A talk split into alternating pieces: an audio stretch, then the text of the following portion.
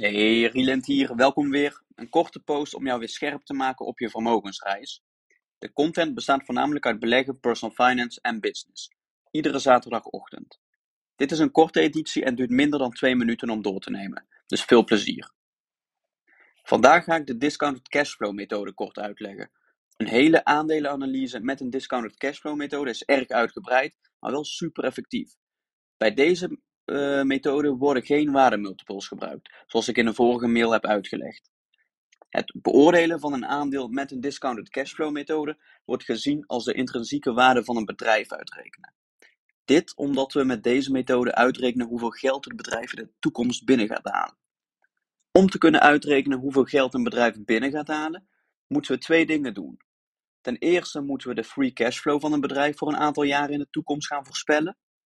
En als tweede moeten we de toekomstige cashflows reduceren met een discount rate. Een discount rate is een percentage die je gebruikt om de toekomstige cashflows kleiner te maken. Dat doen we ook om twee verschillende redenen. Uh, als eerste, er is altijd een risico dat een bedrijf deze cashflows niet weet te behalen. Dus dat moet je er wel in calculeren. En ten tweede, geld van, van vandaag is in de toekomst minder waard door inflatie plus kosten, die je bijvoorbeeld voor leningen uh, of de financiering uh, moet maken. Daarom heet het ook een discounted cashflow methode.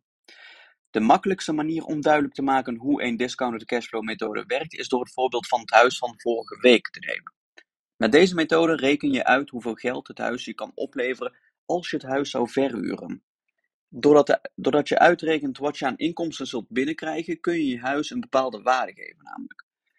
Een voordeel van deze methode is dat je niet uit hoeft te gaan van waardemultiples, zoals omzet. Waardemultiples slingeren over het algemeen heel erg bij analisten en daarom is het geen goede manier. Uh, de een schat de groei van zulke multiples heel hoog in en de andere weer heel laag, afhankelijk van hoe het aandeel bewoog. Er zit ook echter een uh, nadeel aan. Deze methode die bestaat uit een groot deel voorspellen.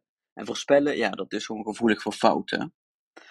Dat was de cashflow uh, methode. Uh, discount cashflow methode moet ik zeggen, om het compleet te houden.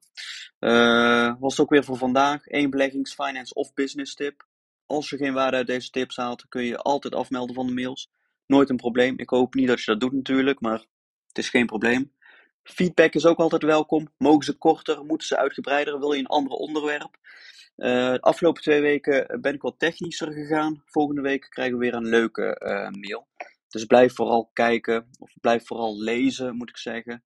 Uh, en als je dit hebt geluisterd, dan hoop ik dat je de volgende keer weer luistert. Tot dan.